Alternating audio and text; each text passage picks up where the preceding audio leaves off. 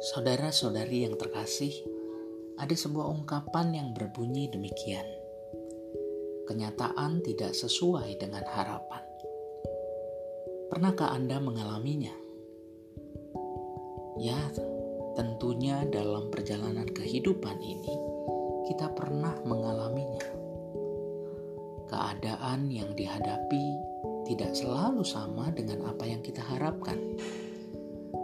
Jika Anda pernah mengalaminya, apa yang Anda rasakan dan lakukan?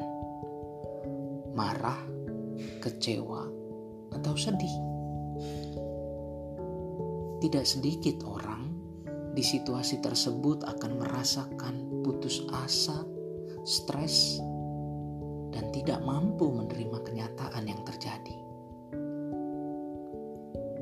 Mungkin banyak orang memaknai harapan sebagai sebuah kendaraan untuk menuju segala keinginan dirinya. Harapan dimaknai sebagai sebuah kepastian untuk memperoleh apa yang diinginkan.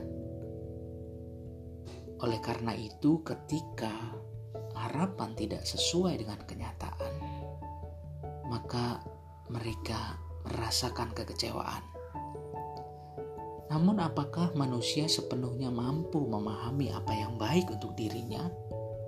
Mana yang diperlukan bagi dirinya? Atau jangan-jangan manusia hanya terjebak dalam keegoisan dan keserakahan diri? Bahkan seolah manusia hanya mendikte Tuhan agar memenuhi keinginannya. Di sisi lain, tentunya bukankah harapan juga berbicara mengenai kemungkinan?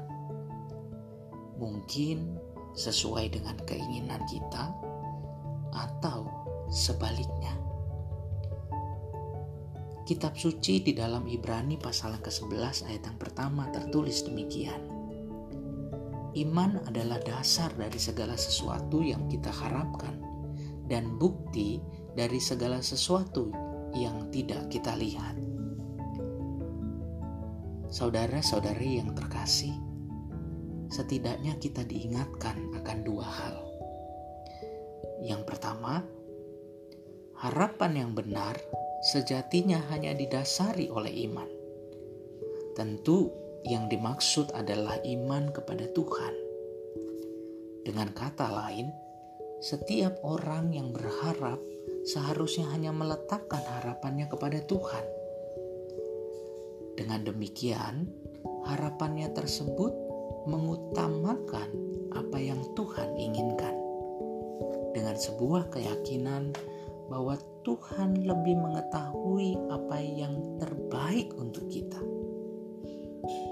Yang kedua, sekalipun dalam situasi atau segala sesuatu yang tidak nampak, kita pahami, termasuk kenyataan yang tidak sesuai dengan harapan, iman sejatinya perlu dibuktikan.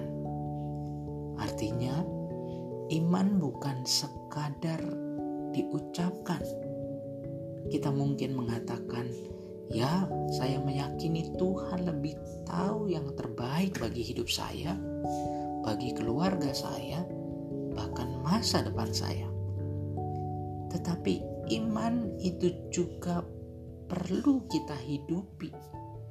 Dimulai dari keikhlasan untuk berdamai dengan keadaan, membangun sikap yang penuh dengan optimisme dan semangat, bahkan kesediaan untuk menjalani sesuatu yang Tuhan percayakan, meski sekalipun tidak sesuai dengan apa yang kita inginkan. Saudara-saudari yang terkasih, mari belajar untuk tetap berani membangun harapan.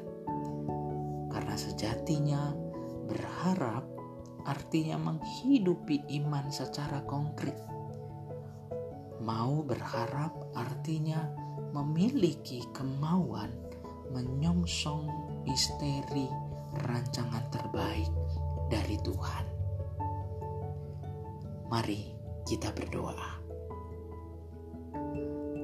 Tuhan, kami memohon hikmat-Mu agar kami diberikan kemampuan untuk meletakkan harapan dengan benar, agar kami tidak hanya berpusat pada diri kami, ya Tuhan. Ajari kami untuk membangun setiap harapan kami seturut apa yang Tuhan kehendaki. Jikalau kenyataan tidak selalu sesuai dengan harapan kami, ajari kami untuk menerimanya. Kiranya damai sejahteramu senantiasa memampukan kami untuk menjalaninya. Amin.